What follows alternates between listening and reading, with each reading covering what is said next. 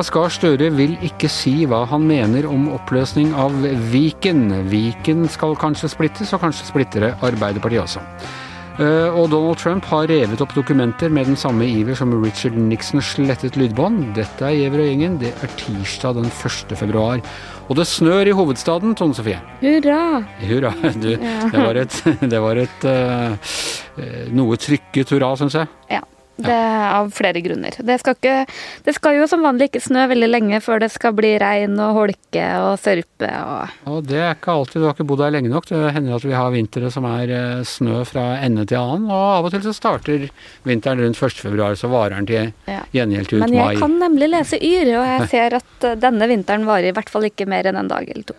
Og trist er det, men sånn er det. Du, øh, og før vi går i gang på, på Viken, som liksom er hovedtema, så må jeg spørre deg, for du kommer rett fra Stortinget og Fra lunsj på Stortinget, faktisk. Og den store snakkisen nå i øh, politiske kretser, det er at Høyres stortingsrepresentant Alexander Stokkebø ifølge Aftenposten har eh, krevet diettpenger av Stortinget for døgn hvor han har overnattet hjemme og dratt på møter som har ligget ned mot en kilometer unna.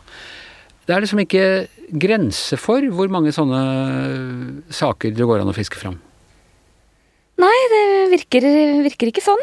Og Stortinget har jo åpenbart hatt et uh, noe liberalt uh, diettregelverk. Uh, Raust, kan man kanskje si. Uh, for det er jo noe vi alle er vant til når man er på reise, så kan man uh, få diett. Men det er jo som regel når du, når du, er på reise og kjøper mat, ikke når du um, kan stikke hjem. Ja, jeg har ikke fått diett den tiden vi har hatt hjemmekontor, f.eks. Nei.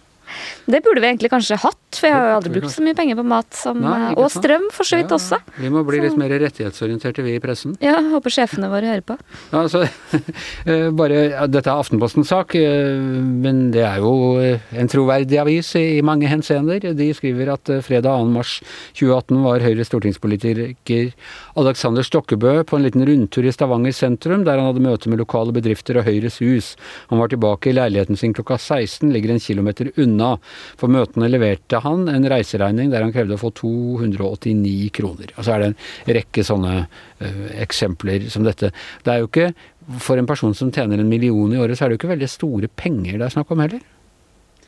Nei, men jeg tror ikke det er noen sammenheng mellom Nå tenker ikke jeg bare på politikere, men Nei. hva folk tjener og hvor opptatt man er av å få det man tror man har krav på. Det, der tror jeg ikke det er noe sånn én-til-én-sammenheng. Eh, men utfordringa på Stortinget, og det er jo det alle disse her sakene viser, er jo at det har vært et, eh, et regelverk som har vært relativt liberalt. Eh, eh, vært veldig tillitsbasert. og noe, Kanskje ikke nødvendigvis på summer, men i rauseste laget. Og, og, det som ser ut til å være et mønster, da, det er jo det at man har kanskje sett på mye av det her som noe man har krav på uten å se på om det liksom er rimelig.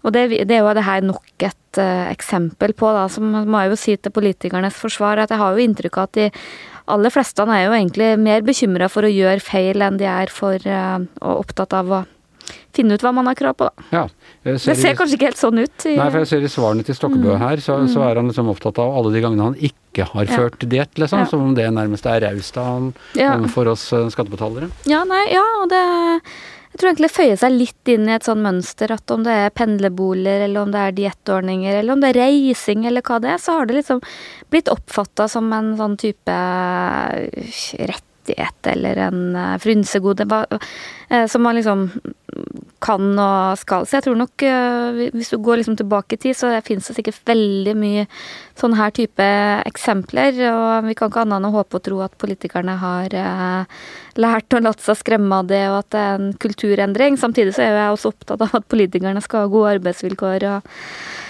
så nei, ja. men det er ikke noe bra. Men 300 de, kroner for å gå ned til sentrum når de bor, eh, når de bor en kilometer unna, ja, nei, det, det høres jo ikke bra ut. Arbeidsvilkår Absolutt, nei, jeg, men jeg kan liksom ikke gå inn i enkeltsakene. Men eh, mitt, liksom, det er jo en skikkelig tillitskrise, og jeg vet liksom ikke hvor mange flere sånne saker politikerne tåler. Men jeg liksom hører også liksom hvor, hvor lei og fortvila mange er da over at det her har hovedfokus hele tida, og de nærmest blir framstilt som en gjeng med skurker som bare er opptatt av å karre til seg. Ja. Så ja.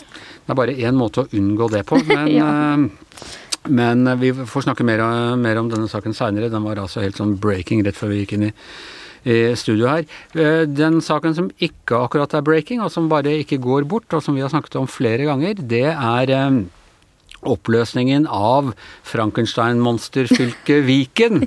Som altså er sygd sammen av forskjellige Du husker historien om, om doktor Frankenstein som bygde et Han har skapt et monster. Et monster ja. basert på, på gamle, gamle, likdeler.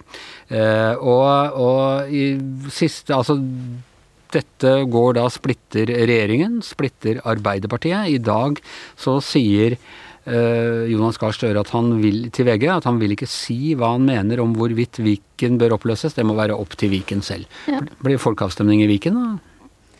Eh, det blir det vel ikke, for det er vel opp til fylkestinget i Viken å bestemme om eh, de skal oppløse seg. og det er jo i utgangspunktet et uh, solid flertall for det. Skal folk i Hemsedal være med på å bestemme om Østfold skal få være et eget fylke, da? Eh, for så vidt ja, men eh, utfordringa så langt har jo vært at det er uenighet i Arbeiderpartiet.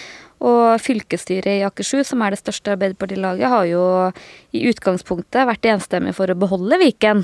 Eh, men så nå bobler det jo opp, da. Den ene lokallagslederen etter den andre og, som er uenig med sitt eget fylkeslag. Og Arbeiderpartiet i, i Akershus skal ta en ny runde, så det ligger jo an til at uh, det blir en oppløsning. Men uh, det her har jo ikke vært noe pen prosess å se på for det interne livet i Viken Arbeiderparti, i den grad det fins. Denne splittelsen går altså helt inn i regjeringen med, med Anniken uh, Huitfeldt og Tonje Brenna, som har uh, gått mot, mot oppløsning.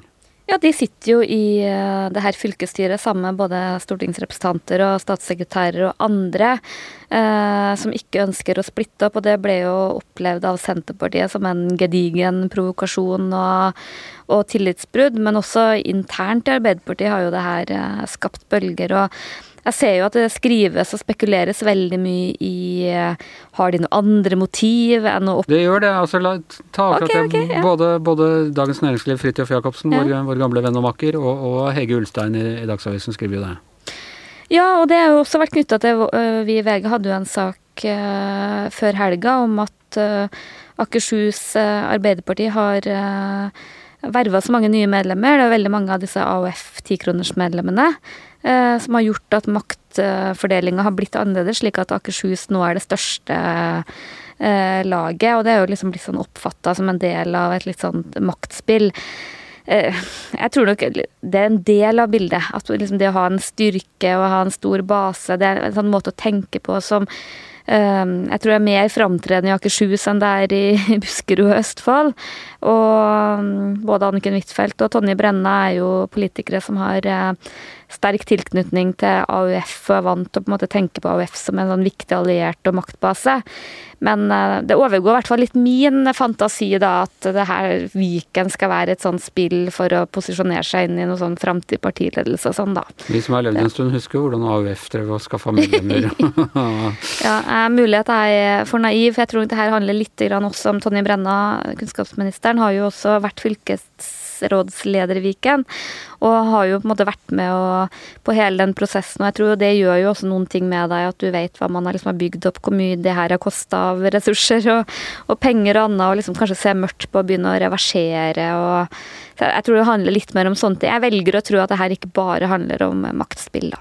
Men hva tenker du om at altså, Det var ikke noen tvil om at Arbeiderpartiet, eller dette regjeringsalternativet, gikk til valg på oppløsning av, av, disse fylkene. Og nå sier altså statsministeren at han, uh, han vil ikke si noe om hva han mener om hvorvidt de bør oppløses eller ikke. Er det, er det greit? Og, og, hva får det eh, å si i forhold til, eh, til regjeringspartner Senterpartiet? Nei, Han mener jo, eller sier jo det at Viken får bestemme sjøl, og det er det han mener. Og vil liksom ikke legge noe sånn verdi inn i å støtte verken den ene eller den andre. Og det er jo ikke noe tvil om at uh, det her er en skikkelig verkebyll inn i regjeringa som jeg tror kanskje ikke Arbeiderpartiet helt overskua, fordi uh, Senterpartiet har jo fått et gjennomslag for oppløsning her. Uh, som de um, har svelga uten å kanskje tenke så veldig mye over kostnaden ved det. og da tenker ikke jeg bare penger, men også um, Og for Arbeiderpartiet så er det nok tyngre liksom, det å liksom reversere tilbake Mange i Arbeiderpartiet har vært opptatt av større regioner, mer makt, og man ser jo det at går man nå tilbake og reverserer alt, så er det vanskelig å begynne på nytt igjen. Herre kommer til å suge ganske mye krefter et par år. Uh, I tillegg så ser vi jo at det, liksom, det her sprer seg til uh, en del andre fylker. Og i tillegg så tror jeg også at du har litt den der sentrum-periferi Sånn Akershus Arbeiderparti er nå en del av sentrum, da, og de ser ikke så mye de ser liksom ikke motforestillingene. De har ikke noe mye å tape på å være en del av Viken, mens eh, det er jo liksom Jo lenger unna sentrum du er, jo lettere er det å være mot det. Sånn er det jo overalt. Med alle sånne skilsmisser så blir det litt krangel om hvem som kjøpte hva, hvem som eide hva. Mm. Er det mulig for noen av disse fylkene å karre til seg ting som de opprinnelig ikke hadde? Om Buskerud få med seg Asker, f.eks.? Uh, ja, det, og det er jo noe av det som jeg ikke tror man helt har overskua med, med, det man har satt i gang. Jeg tror man har uh, sluppet løs litt mer av et monster enn det man egentlig overskua med å oppløse Viken. For, for, det første så tror jeg du kommer til å få et uh, Selvfølgelig en debatt om uh, økonomi og ressurser, kraftverk. Uh, Akershus har jo en mye bedre økonomi enn det Østfold og, og Buskerud har. Det er jo en del av bildet. Og så får du litt det samme som vi så i, i Finnmark, hvor Alta liksom snuser på å bli med over til Troms. For der er det liksom mer vekstkraft. Har ikke lyst til å liksom være en sånn ytterpunkt og reise inn til Vadsø, de. Og det, det, ser du flere kommuner både i Buskerud og i Østfold som har signalisert noe av det samme, at de kanskje ønsker å bytte fylke.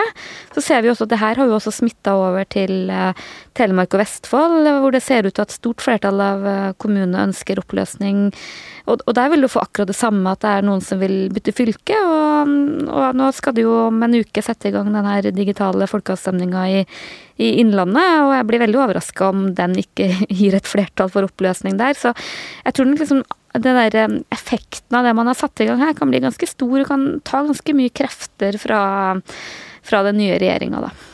Og så skal da altså Viken Ap bestemme dette nå? Nå til, Vikenen. Som Støre bruker å si. ja, Viken i Vikenen. Ja. ja. Eh, så bra. Eh, når vi først er i gang og, og, ting er i spill og ting ligger på bordet, er det ingen som snakker om at Oslo kunne gå ut og ta Bærum og Kolbotn og alle disse her gratispassasjerene vi har ute i de svære villaene sine som som jobber og tjener pengene sine i Oslo og går her på og ser på Nationaltheatret og Ja, der har du jo sådd et frø, da, for eh, Bærum er jo en meget ettertrakta kommune å ha med sine skatteinntekter og sånn, så du vet kanskje Raymond hører på. Per Olav? ja da, jeg har, jeg har ikke noe personlig ønske om også å tilhøre Oslo. Jeg tror at det er en del i Oslo som også er litt, eh, vil kvie seg litt for det, fordi det ville endre grunnleggende den politiske balansen. Altså hvis du får inn en stor altså hvis du får inn, Bærum så blir det høyrestyre 30 000 mennesker som da kommer til, og så er og halvparten av de stemmer Høyre, ja. eh, noe sånt, så vil det forandre litt på den politiske maktbalansen i Oslo igjen òg, som eh, mm. har et rød-grønt flertall. Ja, bare for å komplisere, for der er Per Olav inne på noe som er ganske interessant, og det her er for feinschmeckerne eller for politikerne, da, for det er jo ikke det vanlige folk er opptatt av. Men, men det er en dimensjon at uh, med Viken uh, så har du på en måte fått uh, vanna ut veldig borgerlige Akershus, som gjør at at uh, Arbeiderpartiet lettere får uh, makt i Viken enn de, de ville liksom, Gerrymandering? De ville aldri fått makta i Akershus, eller hva vet jeg, men det er veldig høyredominert område. Mens uh, Østfold og Buskerud bidrar liksom til å til å vanne ut det, og det ser du også i andre fylker hvor man mener at Arbeiderpartiet har mest å tjene på at man er størst mulig, mens Senterpartiet kan lettere få makta f.eks. i Sogn og Fjordane og i mindre fylker. Så det, det er noen sånne hensyn der òg, men jeg håper jo ikke at det er liksom det som er hovedmotivasjonen. Jeg tenker Per Olav er jo født uh, på Alnabru, så det blir bare snakk om å hente deg hjem til Stor-Oslo. Det er, det er, en, det er å, å, å, gjøre ett folk av oss. Ja, og det er klart at du kan si Stor-Oslo, Oslo-regionen inneholder jo mer enn akkurat Oslo by. Og, og, de omkringliggende kommunene er jo på en måte en del av det. Og da snakker vi om kommunikasjon, uh, vi snakker om arbeidslivet, ikke sant. Altså veldig mange som pendler hit og dit. og, og og dette med offentlig kommunikasjon, bl.a. utbygging, den type ting, infrastruktur, henger jo veldig tett sammen. Så vi er jo på en måte en del av en sånn storbyregion. Alle vi som bor i, rundt Oslofjorden og indre del av den. Så, eh, så Men da du og jeg ble født, så var jo, var jo Oslo både Oslo og Aker. Fins det noen grupper som liksom ønsker å splitte opp Oslo igjen og dele opp i, tror du? Det, det, kjenner jeg ikke til. Separatister oppe på Ullevål eller noe sånt? Nei, det var jo Men altså selve Oslo var jo lite, egentlig. Det var jo, det var jo Oslo ble jo utvidet i flere omganger. og og Aker kom inn. Eh, men Oslo var jo egentlig en ganske liten by eh, med et stort om, omkringliggende område. Er det fortsatt? Eh, Grensene har blitt flyttet utover. Men det er jo ikke sånn at det som på en måte hører naturlig sammen, blir sammen, nødvendigvis. Sånn som det var i Tyskland? Nei, ikke alltid slik. Nei. Ok, Tone Sofie, helt kort til slutt. Det blir oppløsning av Viken. Er det helt sikkert, eller er det en thriller, det òg? Jeg tror vel ikke um, at det er noe veldig stort trill. Jeg tror det er såpass mye prestisje for uh, Senterpartiet, for regjeringa, og um, at det blir en intern borgerkrig hvis det blir stoppa. Men jeg tror nok at det kommer til å bli utrolig mye trøbbel for dem. For det, det er veldig mye som må tilbake av IT-systemer og kostnader og prosesser og sånn, det kommer til å være lammende. Og så de, de der, um, effekten for uh, andre, andre, som vil gjøre det, det samme. Så jeg, jeg, tror, jeg tror i hvert fall at sjøl om det ikke er så dramatisk, så tror jeg det kan bli mye trøbbel vi kan snakke om. Da. Ja, men det er bra for oss om det ikke er, det ikke er bra for, eh, for landet. And we will make America great again. Thank you, Texas. Thank you. Eh, vi skal til vår gamle venn eh, Donald Trump, som vi faktisk ikke har snakket om på en stund nå, Per Olav. Selv om, eh, selv om det var litt antydning på morgenmøtet i dag til at vi var litt lei av han. Mm, vi tenker jo ofte på ham, men vi snakker, prøver kanskje å snakke litt mindre om ham. Det vi, vi, det, vi, har helt sikkert ikke hørt det siste fra Donald Trump. Han kommer tilbake.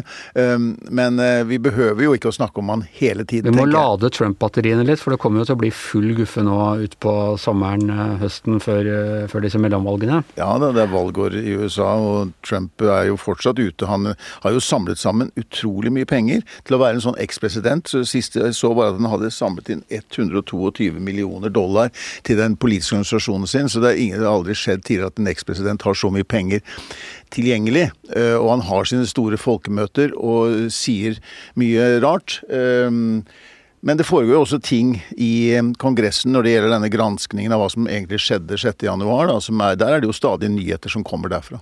Og den nyheten som har eh, preget overskriften i dag, det er alltid når det er noe sånn litt spektakulært.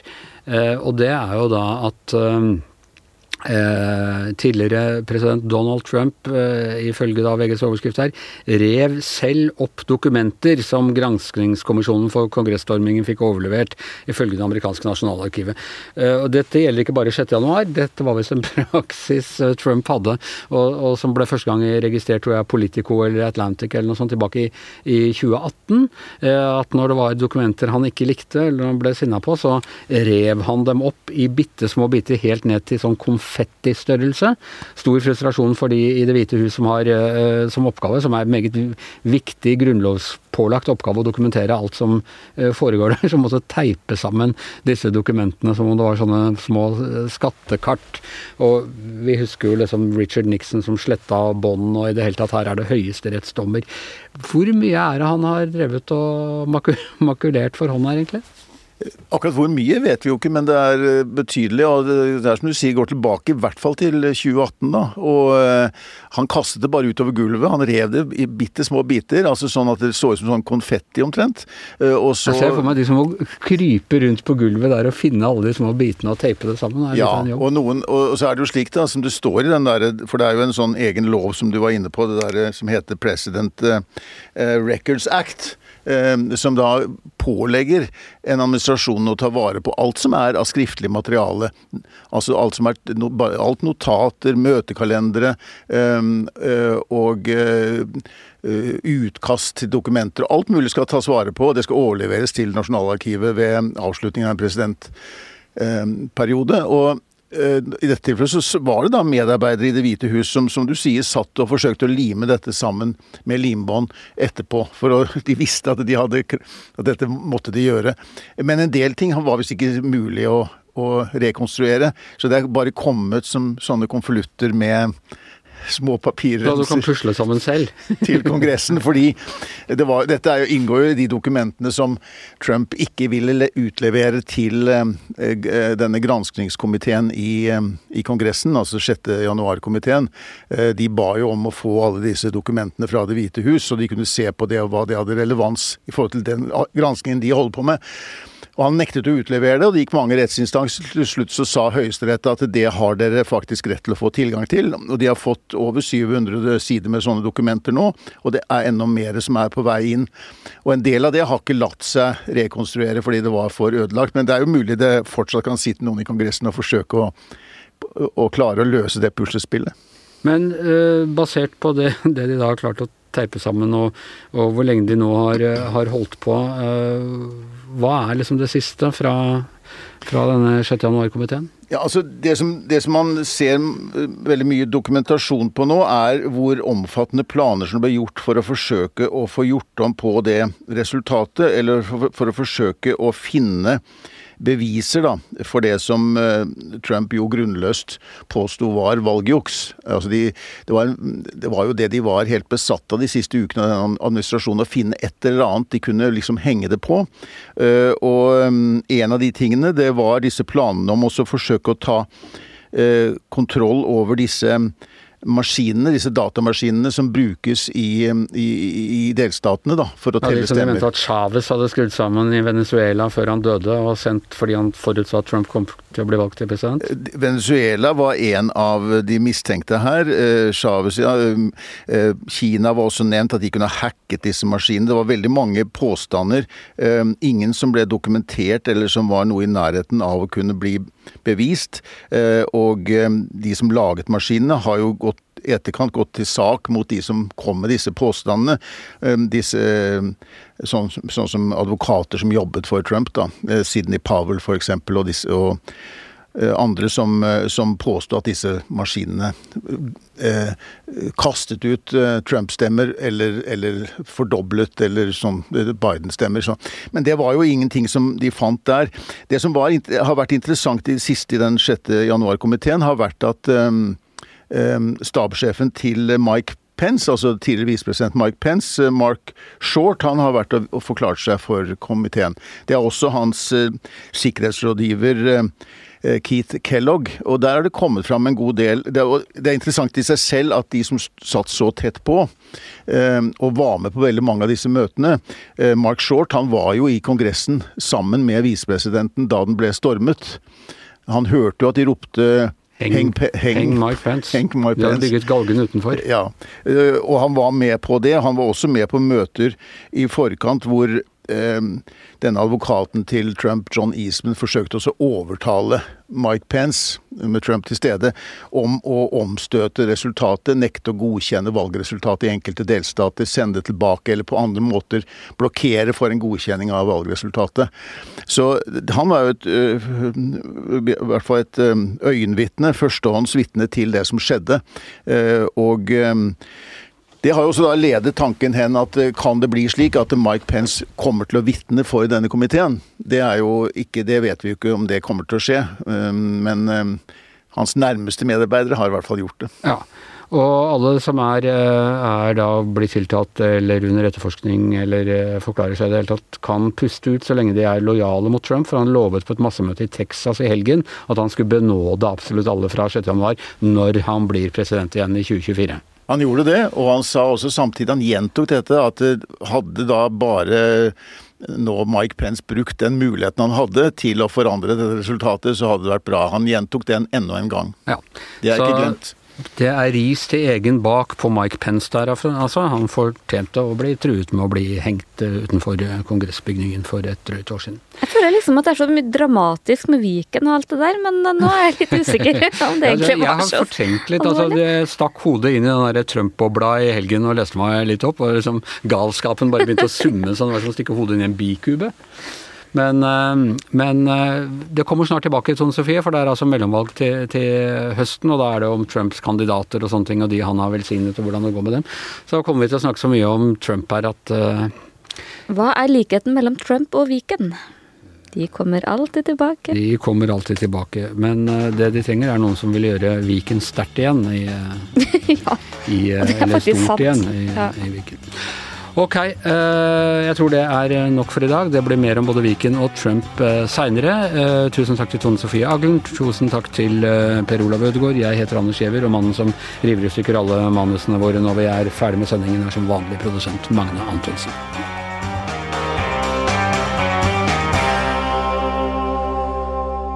Du har hørt en podkast fra VG. Ansvarlig redaktør, Gard Steiro.